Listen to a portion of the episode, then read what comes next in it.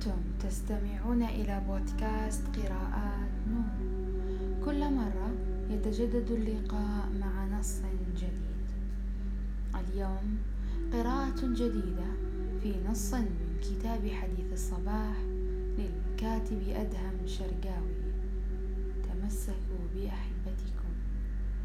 يحكى أن طائر سنونو أحب رجلا وأراد أن يتخذه صديقا.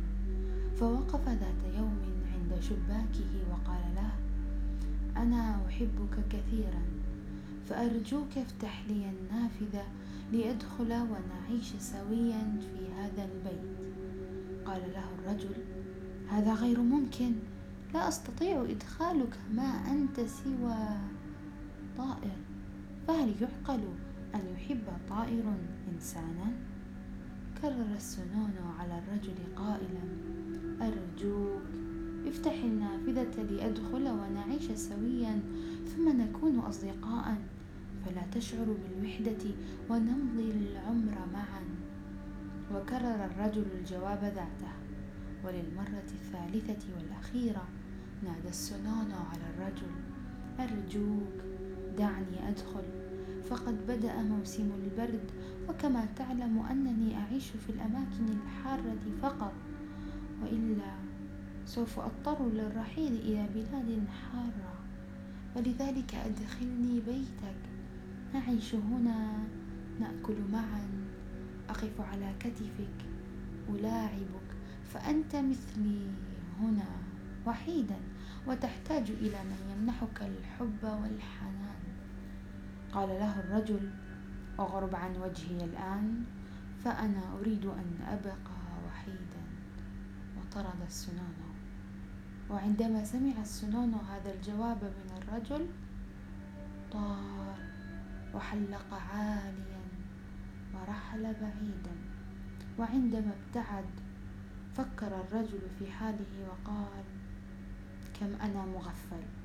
لماذا لم أفتح النافذة وأدع السنون يدخل ونعيش معا؟ وندم ندما كبيرا على فعلته هذه. ولكن هل ينفع الندم بعد الآن؟ وأصبح يقول في قرارة نفسه على كل حال غدا.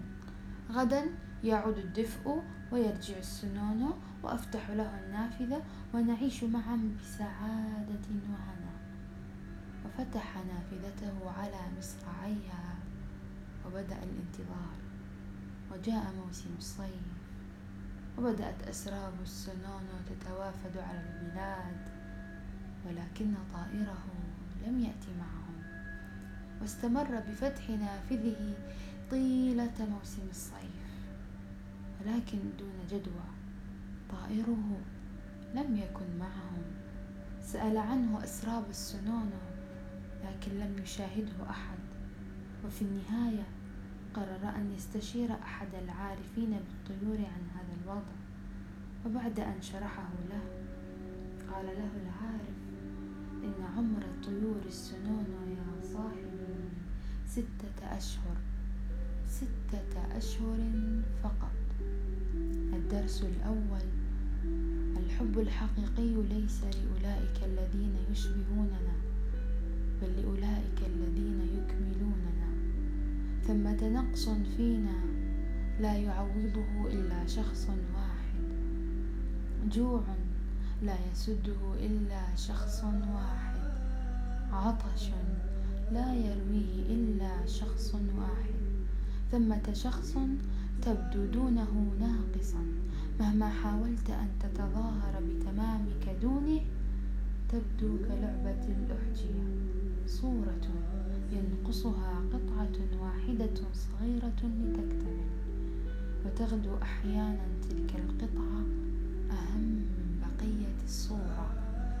الدرس الثاني أجمل الخيارات.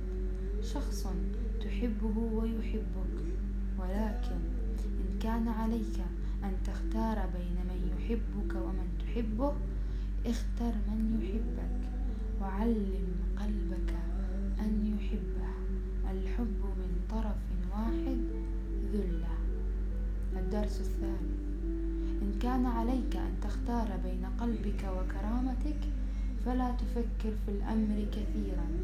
اختر كرامتك. الذين يتنازلون عن كراماتهم لا يستحقون أن يكونوا عشاقا. ومن يحبك لن يضعك في هذا الخيار أبدا. الدرس الرابع. الحياة فرص. والحب جزء من الحياة وهو فرص أيضا. ثمة أشخاص يقرعون بابك ولكنهم لن يفعلوا ذلك طويلا. ثمة أشخاص إن لم تفتح لهم قد لا يعودون. ثمة أشخاص يدوسون قلوبهم. إذا أردت تحويلهم إلى متسولي عشق. الدرس الخامس. تمسكوا بأحبتكم بأسنانكم وأظافركم. الحياة أقصر من أن نقضيها بالهجر والخصومة. تذكروا أن الذين نحبهم غدا لن يكونوا هنا أو أننا لن نكون. فإن رحلوا قبلنا لا يجتمع علينا حزن الفراق وندم الخصام. وإن رحلنا قبلهم تركنا في أذهانهم ذكرى طيبة. تناقشوا ولا تكونوا صناديق مقفلة. تعاتبوا فالعتاب مجلاة القلوب. العتاب كالاهتمام. نفعله مع الذين نحبهم.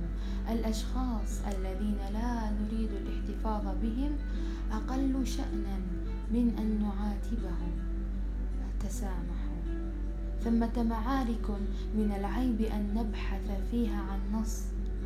ثمة أشخاص من العيب أن نتخذهم أعداء. كان هذا نص في كتاب حديث الصباح من الكاتب أدهم شرقاوي.